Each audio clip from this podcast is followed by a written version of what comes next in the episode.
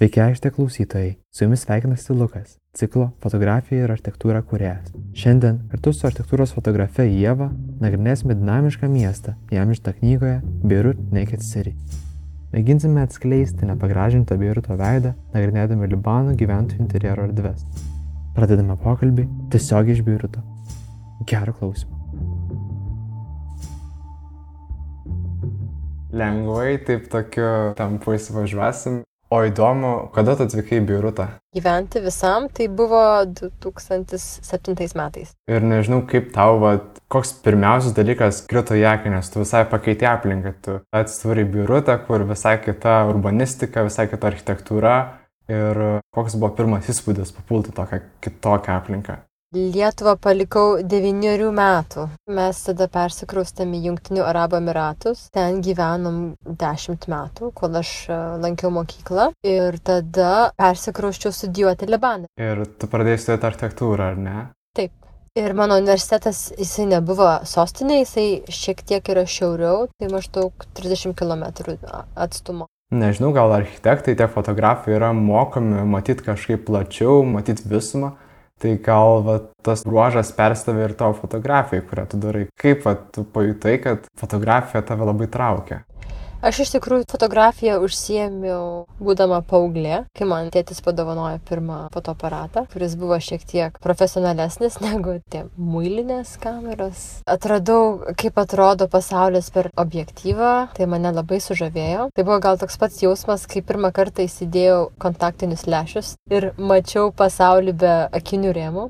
Atsimenu, kad susigaudinau, kai pamačiau, kaip atrodė pirmoji nuotrauka su DSLR kamera. Architektūros studijos tikriausiai įtakojo tą žvilgsnį į kas yra priešais mane, bet aš tai akivaizdžiai tikrai nepajutau. Ir iš tikrųjų, kai studijavau, aš nelabai daug net ir fotografuodavau, nes visas laikas ėjo į studijas, į aplinkos pažinimą, nes aišku, kai studijuoji, tada tau yra įteikti šiokie tokie įrankiai, su kuriais tu pradedi vėl kitaip pažinti pasaulį kaip aš pati pradėjau suprasti konteksto išnarpliojimą, ką tai reiškia. Tai yra ir istorija, ir dabartis, demografija, kultūra ir visa kita. Tai žinoma, pradėjo įtakoti, kaip aš pradėjau žiūrėti visą, kas yra aplink ir fiksuoti. Ir turbūt fotografija jinai padėjo matyti aplinką, pažinti tokį nepagražintą virutą. Būtent, iš tikrųjų, fotoaparatas visą laiką yra toksai įrankis, kuris tave išskiria iš kitų žmonių. Ir tai gali būti gerąją arba blogąją prasme. Tai priklauso nuo tavęs ir kitų aplinkinių man gal sekasi jo pasinaudoti kaip pasu arba all pass. Su juo galiu eiti ten, kur man yra įdomu ir jeigu kažkas mane sustabdo arba sako, kad negalima fotografuoti, aš visą laiką galiu pasiaiškinti. O jeigu tu vaikštai taip, be nieko, tai žmonės nelabai supranta, ko tu ieškai. Tai aš su fotoaparatu ir su vaikščiojimais ir važinėjimais pradėjau pažinti šalį ir aplinką ir miestą ir pačius žmonės ir kultūrą ir taip toliau. Ir iki šiol tuo naudojusi. Geras, tai reiškia, fotoaparatas padėjo tau perkopti kažkokias tai baimės ar sėdėjimą namie, žinodavai, kad va, aš fotografuosiu, tai galiu išvykti, na žodžiu, tai tau labai padėdavo. Aišku, būna ir kitokiu atveju, kai jis tau neleidžia būti nepastebėtų. Jisai padeda užkariauti tą baimę, gali būti žmonių, gali būti įvykių ir taip toliau. Jisai yra toksai kaip tylus draugas. Labai šaunė savoka. O įdomu gal, kokį turi labai baisų pasakojimą, kaip ten nepavyko užfiksuoti kažkokio kadro ar kažkoks nutikimas, Iš tikrųjų, nelabai turiu tokio išskirtinio įvykio. Žinau, kad yra kitiems taip nutikę, kad ten juos įsodina į mašiną ir nuveža kur nors apklausinėti valandų valandas ir peržiūri visus ten aparatus ir taip toliau turbūt ta nematoma pusė, kurios nepamatysi nei Google paveikslėliuose, nei kažkur ten interneto portaluose, kur Beirutas rodomas kaip prabangus miestas, pilnas daugiau aukščių ir jo atrodo tokios patirtis sugriauna tą gražų paveikslėlį. Dėl to, kad aš esu baltaodė moteris, vis tiek žmonės kitaip reaguoja. Kaip sakant, rasizmas man yra toksai į pusę, kuri man yra naudinga. Ir tu taip tirniai Beirutą šešis metus, ar ne? Gal jau bus aštuoni kokie metai. Aš kai baigiau studijas 2012 metais, pradėjau su fotoaparatu vaikštinėti ir atrasti miestą. Ir koks Beirutas tas, patarkim, šešių metų patirčių yra vaizduojamas knygai Beirut Naked City. Aš galvojau, kad padarius tą knygą mano darbas bus baigtas, bet supratau, kad miesto nufotografuoti yra neįmanoma. Jis visą laiką keičiasi, keičiasi ir požiūris fotografo, ir keičiasi įvykiai. Aišku, visi žinom, kad buvo labai didelis sprogimas prieš šešis mėnesius ir tai tikrai labai pakeitė gerą dalį miesto. Tai aš su ta knyga norėjau tiesiog pateikti tokį tikresnį vaizdą. Aišku, tikrovė yra subjektyvi, vis tiek aš ateinu su savo požiūriu, su savo istorijom, Bet kai mes tiesiog apsilankome internete, surasti vaizdų apie miestą, jie yra labai išdailinti, kaip ir visuose miestuose dažniausiai. Beirutas tikrai yra bandymas pasirodyti, kad mums čia gerai labai sekasi, bet kaip parodė paskutiniai du metai, čia tikrai ne viskas yra negerai, tik tai paviršius buvo statomas kaip sveikas įvaizdis, bet iš tikrųjų viduje yra viskas supuvę ir reikia viską iš naujo auginti, statyti, mokyti. Tai gal buvo mano pirmas bandymas pasidalinti tą tikrovę, kurią aš patiriu. Kartais tas nepagradintas biurutas yra toksai gazdinantis. Kartais tai gali būti ir skaudu kažkam matyti, žinai, būtų ten sugriuvusi, kodėl reikėtų to dalintis. Nes jis iš tikrųjų yra gazdinantis ir jeigu norime, kad jisai mūsų negazdintų, reikia pirmų, pirmiausia su to susitaikyti, nes tik nuo to taško galime pradėti kažką keisti. Jeigu mes nematom, kas yra negerai ir mes tai bandome paslėpti, tai mes niekada negalėsim pradėti to sunkaus darbo gerinti nuo pat šaknų. Tai būtent aš dėl to noriu dalintis tuom, kas yra skaudu, kas yra negražu, kas ir kai kuriems būtų gėda. Pavyzdžiui, Londonas prieš kokius du ar tris šimtmečius buvo kanalizacijos smirdantis ir nešvarus miestas. Nėra to, ko negalima pakeisti. Tai mano požiūriu, aš noriu skatinti žmonės keisti savo aplinką. O įdomu, kaip patys žmonės reaguoja, kai mato savo būsto nuotraukas, tarkim, po to pačio sprogimo įvykusio, gal nenorėtų to viešinti. Man neteko fotografuoti tų namų, bet žinau, kad patys žmonės, mano draugai, pažįstami, dalinosi socialiniuose tinkluose sugriautus namus. Iš tikrųjų, žmonės norėjo parodyti, kas jiems atsitiko, nes tai buvo netikėtinas įvykis. Kas atsitiko šitame mieste buvo nusikaltimas. Ir iki dabar net nežinom visiškai nieko apie tai, kas įvyko, kodėl tai vyko Man pačia irgi labai skaudu buvo matyti tai gyvai, kai aš atvykau po trijų mėnesių. Iš tikrųjų dabar šiuo metu aš nustojau fotografuoti patį miestą taip kaip anksčiau, daugiau skiriu dėmesio detalėms. Dabar žmonės labai džiaugiasi mano naujom fotografijom, nes jos tikrai rodo trupinėlį džiaugsmo, vilties Gal sumaišiau, nes mačiau tavo interneto svetainiai, nuotraukų, kuriuose, tarkim, yra išgrautos grindys arba lubos ir tada matosi visa namo erdvė, žvelgiant iš pirmo aukšto. Iš tikrųjų, Beirutas yra toks miestas, kuriame yra labai daug kaitos, greunami namai, statomi namai, buvo toksai sukurtas sąrašas pastatų, kurie yra kultūrinio paveldo. Jų buvo labai didelis skaičius, sakykime, iki tūkstančio pastatų ir gal dabar jų liko kokie du šimtai, nes dėl nekilnojamo turto vertės jie buvo greunami nelegaliai. Pavyzdžiui, tos nuotraukos, apie kurias kalbi, jos daugiau kalba apie tas pasiekmes, negu apie tai, kas įvyko prieš šešis mėnesius tie žmonės, kuriems priklausė tie pastatai, jie arba jau labai seniai išsivažiavę po visus pasaulio kampus, sakykime, yra ten 18 savininkų, kurie kas negali sutarti tarpusavį, ką daryti su tuo pastatu, arba jie tiesiog jį parduoda ir už tai gauna gerus pinigus. Nemanau, kad jie labai ten jaudinasi, kad yra rodomas tas sugriuvęs pastatas. Mes šitaip šiek tiek pereinam iš miesto mastelio į tokį mažesnį interjero mastelį. Tai tada toks ir klausimas tau, ką pastebėjai eidama per libaniečių įkurtus būstus užsienyje. Prieš porą metų pradėjau tokį projektą, kur pradėjau ieškoti libaniečių, kurie gyvena ne Libane, tiesiog yra išvažiavę gyventi kitur aš fotografuodavau juos pačius jų namuose. Tikėjau tikėjausi, kad bus labai akivaizdu, kad ten yra libaniečių namai, nes jie labai norės turėti aplink save kažkokias užuominas iš namų, bet nebūtinai jie atrodo taip, kaip mes tikimės. Jeigu ištraukiame žmogų ir nepasakome, kieno čia būtas, jisai gali atrodyti kaip bent kokio žmogaus. Arba vietinio, arba kitos tautybės, bet to stereotipo, kurio aš tikėjausi, tikrai neradau. O kaip atrodo libaniečių būstai? Buvau sužavėta, iš tikrųjų, kaip gražiai tie jų namai atrodo. Vis tiek žmonės mėgsta parodyti gražiąją savo pusę. Ar tai būtų jų aprangoje, ar tai būtų automobiliai, kurie naudojasi, ar tai būtų gyvenamoji erdvė, kurioje priemame svečius. Tai vis tiek žmonės rūpinasi tą išvaizdą. O tu kai fotografavai tą būtą interjerą, ar tu stengiasi palikti erdvę tokią, kokią radai, tai reiškia, nenorėjai nieko ten tvarkyti, stumdyti, ar tu kaip tik patekus į būtą erdvę, norėjai kažkaip kompoziciškai patraukti ant daiktus, backstage tokį turėti, reiškia, ir estetiškai paruošti erdvę ir tada fotografuoti. Būdavo taip, kad aš labai norėjau, kad jinai būtų tokia būtent, kokia yra, bet gyvenimas yra toks, kad tu turi vis tiek pasiskelbti, kad tu ateini, tai dažniausiai žmonės patys ten pasistumdo, pasitvarko ir vis tiek yra režisūra, bet iš jų pusės ką aš ten pastumdydavau, tai tiesiog jeigu nėra pakankamai erdvės man pačiai, tai aš ten patraukdavau kažkas, kas yra už manęs, už kadro. Aš tikrai netvarkydavau tai, kas yra priešais mane. Nes mano projekto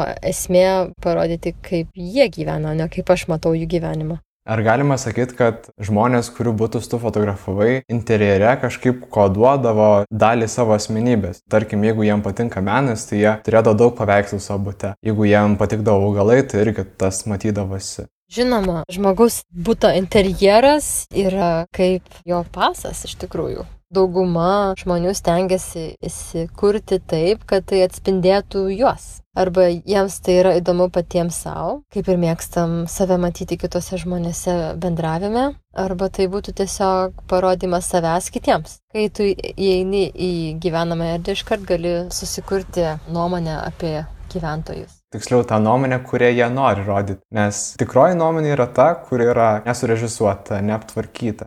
Gal režisavimas reiškia tvarka, nes jeigu žmogus netvarkingas, tai kalba apie jo tvarkos supratimą. Tai iš tikrųjų mes negalime niekada kontroliuoti kito žmogaus nuomonės. Mes stengiamės ją įtakoti, bet tai gali būti tikrai didelis skonių skirtumas arba sutapimas. Sakykime, ten stebint Instagramoje, aš asmeniškai pastebiu, kaip Lietuvoje labai keičiasi mūsų kartos ir jaunesnios kartos estetikos supratimas, ką mes garbiname ir nuo ko mes bėgame. Iš tikrųjų dabar labai susivienijo mūsų estetika. Atrodo, tai, kas mums patinka, yra labai panašu. Tinksta tas prieskonis asmenybės, nes visiems patinka skandinaviški baldai, visiems patinka pilka spalva arba švelniai ružava, kad būtų daug augalų ten visur ant lentynų ir taip toliau. Nesakau, kad tai yra blogai, man irgi tokie patinka interjerai, bet kažkaip tai mes dinkstame. Atrodo, kad mes visi norime susivieninti atrodo, vyrauja tokia baimė pradanginti savo identitetą, kažkokias savybės, kurios primtinos lietuviui, kurios primtinos libaniečiui. Sakau, kad yra baimė parodyti iš tikrųjų, ką mes mėgstame. Ir tai matome ne vien tik tai interjeruose, bet matome ir aprangoje, ir, kaip ten vadinasi, plastinė chirurgija, kaip visi bando turėti tuos pačius bruožus, kurie yra mylimi visur pasaulyje. Bet kai įeini į paprastesnių žmonių interjerus, tu tikrai pamatai, kad gal jisai pats žmogus bando keisti. Jeigu aš kalbu apie save, tai aš visą laiką kažką keičiu. Arba tas nepatinka, arba noriu keisti. Tas interjeras yra iš tikrųjų gyvas, turi savo gyvenimą. Ar galima būtų sakyti, kad fotografo, lyg yra tokia ir užduotis ištraukti tą gryną, nerežisuotą interjerą, kuris gyvena savo gyvenimą? Čia šiaip priklauso nuo pačio fotografo, nes kartais būna užduotis iš tikrųjų ją visą nuslėpti ir tai būna labai akivaizdu architektūros fotografija, kur tikrai bandoma viską nušlifuoti ir nerodyti tos tikrovės arba realybės, nes jinai dažniausiai yra neestetiška ir yra joje chaoso. Bet aš pati savo užsidaviau tą užduotį, nes dažniausiai apie žmogų sužinome per smulkmenas. Arba tai būtų bendravimas, žodžiai arba akcentas ir mes sužinome daugiau apie žmogų. Arba taip pat galima matyti interjeruose. Ir man iš tikrųjų labai smagu apsilankyti kitų žmonių namuose, nes man labai įdomu, iš kur kas atsirado ir kodėl tas daiktas būtent ten. Prasideda pokalbiai apie tuos daiktus ir jų dėka gali mus nuvesti labai įdomias vietas. Ir taip kaip ir tu vačneki, interjero elementai išprovokuodavo tą diskusiją.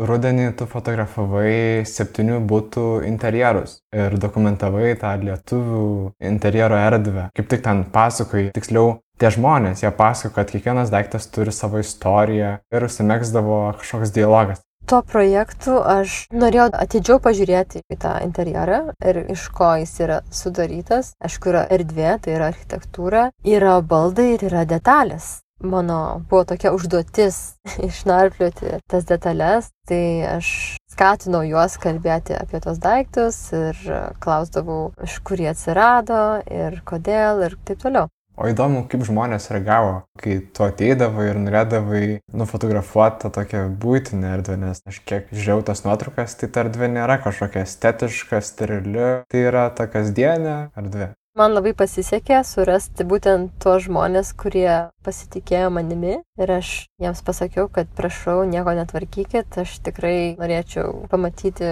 jūsų kasdienybę. Taip jie padarė, nes taip atrodė jaukiai ir paprastai. Gal ir buvo patvarkyti, aš tikrai nežinau. Manau, dažniausiai, kai žinome, kad pas mus ateina svečiai ir tai yra nepažįstamas žmogus, visą laiką stengiamės pasitvarkyti. Bet aš tikrai jiems pabrėžiau tą aspektą, kad prašau netvarkyti ir tiesiog būkite savimi. Minėjai, kad tau tos erdvės atrodė jaukas kažkiek. Tai kas tau yra jaukumas? Kaip tu supranti jaukumą? Man jaukumas yra saulės šviesa. Ar tai būtų saulės šviesa pro langą, ar tai būtų jos atsispindėjimas kažkur, arba tai būtų šešėliai lapų arba vandens tos bangelės, kuries atsispindi ant lubų ar ant sienų. Šviesa tikrai sukuria tą jaukumą, jinai yra kaip ir ta ugnis, prieš kurios mes visi norime būti. Įdomu, kad jaukumas gali būti suvokiamas na, ne vien per daiktus, kažkokį tai erdvės bruožą, bet šaltinį dalyką kaip saulės šviesa. Nes aš pati gyvenu būte, kuriame yra šviesa rytinėje ir vakarinėje pusėje. Ir iš pietų tos saulės tai yra labai mažai ir iškart pajaučiu, kai jinai dinksta ir kai jinai atsiranda. Tai yra visą laiką stebuklinga akimirka. Tai galbūt teko stebėti saulėtikį, saulėldį, nes langai rytus, langai vakarus. Pas mus, ypač čia, kur aš gyvenu, yra labai daug pastatų, tai saulėtekis yra už kalnų, jisai gali prasidėti priklauso nuo kuriame aukšte esi ir kurio šalies pusėje tu gyveni. Ir saulėlydis irgi kažkur už namų, tai matosi tik tai šviesa tarp jų. Tai gyveni tokia nuojauta, kad dabar saulė leidžiasi, dabar kyla, na, jauti nemažas jaučiu tą šviesą, bet aš supratau saulėlydį ir saulėtekį, kai tu matai būtent tą saulės objektą, kylant arba leidžiantis už horizonto. Tai horizonto per mano langus tikrai nesimato. Matosi tik tai pastatai. Tie reiškiniai gamtos kaip saulėtikis, saulėlydis ar ten purus sniegas ar kiti kažkokie dalykai, na jo, jie turi tokią unikalią vertę. Tai yra stebuklas iš tikrųjų ir mes Gal per tuos praeitus metus pradėjom suprasti, kiek jie yra svarbus. Aš nebuvau Lietuvoje, kai buvo sniegas pas jūs. Labai norėjau būti, žavėjausi nuotraukomis sniego ir užšalusių upių ir ežerų. Kai kalbame apie klimato kaitą, tą apšilimą, tai iš tikrųjų baugu, kad mes galime visą tai prarasti netrukus. Galbūt tavo vienas iš projektų kaip tik šneka. Mačiau tavo Instagramo paskyroje, kad tu dedi nuotraukas įvairių augalų, medžių, biruto mieste. Tai gal galėtum plačiau apie tą projektą, nes jis lik ir prisideda prie to globalinio atšilimo rodymo, kad reikėtų išsaugoti tą gamtą, kuri yra mieste.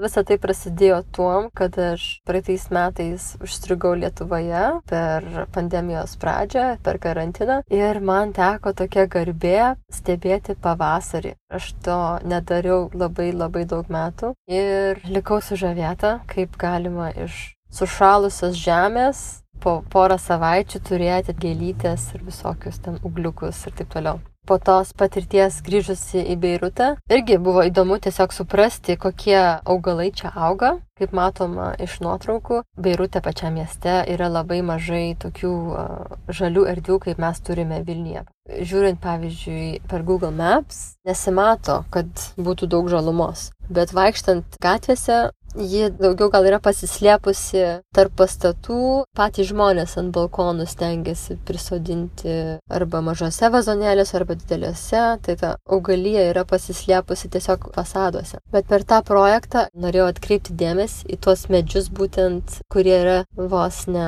atliekos, nes kažkadaise visas miestas buvo miškas arba labai apauktas ir kai žmonės statė pastatus, jie viską iškirto. Bet vis dėlto yra tokie pavieniai medžiai, kurie mums primena, kad kažkada miestas turėjo ir pušyną, ir alyvogių ten sodybas. Jie mums suteikia džiaugsmo ir pavėsi, ir kvapų, ir vaisių, Kai tu pagrindinį objektą padarai medį, vis tiek yra aplinka už jo. Tai aš visiškai neatsitraukiu nuo to miesto dokumentavimo, jeigu galima tai pavadinti. Aš leidžiu tiems augalams pasakyti, kaip mes su jais sugyvename arba ne. Ir tai tikrai irgi labai daug pasako apie mus kaip žmonės. O tada įdomu, kaip reaguoja Beiruto gyventojai į medžių kirtimo procesą arba augalijos mažinimą mieste? Yra, kaip sakant, two camps. Vieni, kurie nevertina arba galvoja, kad gal mieste jiems nėra vietos, vis tiek yra kalnai, yra jų kaimeliai, kurie pabėga per savaitgalį ir gali pasidžiaugti augalyje. Ir yra tie žmonės, kurie labai liūdi, jeigu yra kertami medžiai ir taip toliau. Dabar tų medžių liko tikrai mažai. Sala, jeigu yra kertamas medis, yra žmonių, kurie labai pyksta ir bando jį arba išsaugoti, arba apie tai paviešinti. Nereikia saugoti tą gamtą mieste, nes kaip ir sakei, nelabai mums daug duoda ir ta žalia spalva, sak, biologiškai mes geriau jaučiamės, kai medis šalia Būtent, aišku, tie medžiai duoda gyvybės ir paukščiams, ir vabalams, ir kitokiems gyviams. Net šiandien buvo toksai įdomus reiškinys, grįžinėjom po pasivažinėjimo ir įvažiuojant į miestą yra ten tam tikri labai dideli medžiai, kurie šiaip yra fikus nitida rušies. Ir tarp jų šakų buvo gal kokie 20 labai didelių šikšnosparnių. Mes tiesiog sustojom ir labai labai žavėjomės tuo judesiu, nes tiesiog nesitikė daugiau net matyti tokių gyvūnų kaip šikšnosparniai. Gamta visų gyvūnų namai. Dėl ir galima rasti šikšnosparnių medžius. o įdomu, kaip atrodo dabar jau vakarėjantis Beirutas. Per karantiną jisai labai ramus, tamsus. Aišku, pas mus yra ir ekonominė krizė ir daug labai visokių bėdų. Tai elektros nėra labai daug. Iš tikrųjų, iki šiol visoje šalyje nėra 24 valandų valstybinės elektros. Kai jos nėra, žmonės naudojasi generatoriais elektros. Dabar valdžia bando taupyti, tai miestas yra gana tamsus, bet jis nėra nejaukus. Wow, vaizdingai skamba ir gal šiek tiek bauginančiai. Gal jeigu nepažįsti miesto, aš iš tikrųjų čia visą laiką jausdavausi saugiau vaikštant viena vakare negu Lietuvoje. Bet čia, aišku, priklauso nuo mano vaikystės, nes prieš 20 metų Lietuva buvo visai kitokia. Gal dabar čia bus baugiau, nes, kaip minėjau, yra ekonominė krizė. Daug žmonių be pragyvenimo šaltinių ir tai gali pakelti nusikalstamumo galimybės bet po kol kas kažkaip tai laikomės. Jo, reikia tikėtis, kad laikysitės gerai, praeis tas COVID, bus galima grįžti į gyvenimą. COVID tai yra čia mūsų gal mažiausia problema. Ką dabar Libanas išgyvena, tai yra dešimt metų ilgio problema, tai neišsispręs labai greitai. Man atrodo, kad fotografija tam ir yra, kad jinai parodytų tas problemas ir kad į tas problemas pradėtų reaguoti jau daugiau žmonių. Yra ta viltis iš tikrųjų. Tai čia labai gera terpė tau reikštis, įrodyti tą gyvenimą, tokį, koks jis yra, nepagražintą Libaną. Jo, ir tai tiesiog yra galimybė man pačiai įsigilinti, geriau suprasti. Tai visą laiką vyksta, mes niekada neprieiname prie galutinio taško, jo nėra. Viskas yra ėjimas arba viskas juda kažkur, arba atgal, arba į priekį. Judesys yra visada. Ir ta fotografija niekada nesustos, kol yra laikas. Kol laikas teka, viskas keičiasi. Turi būti kažkas, kas tai užfiksuotų. Ar tai būtų vizualiai, ar tai būtų žodžiais ir taip toliau, bet kol kas mano įrankis yra fotoaparatas. Penktadienio vakarą baigiame pokalbį iš namų studijos. Ačiū, kad buvote kartu. Lauksime jūs sugrįžtant į kitą pokalbį.